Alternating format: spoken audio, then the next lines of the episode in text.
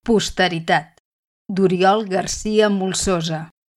Relat guanyador del concurs de microrelats de la Biblioteca Esteve Palutzí de Barberà del Vallès, de desembre de 2020.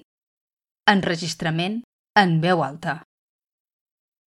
Va viure amb un únic propòsit. Passar a la posteritat.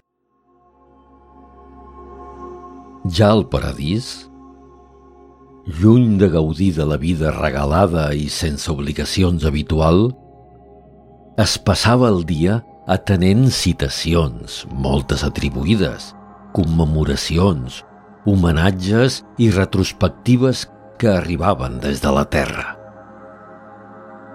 Coses de passar a la posteritat. Li van contestar quan va reclamar el repòs etern promès.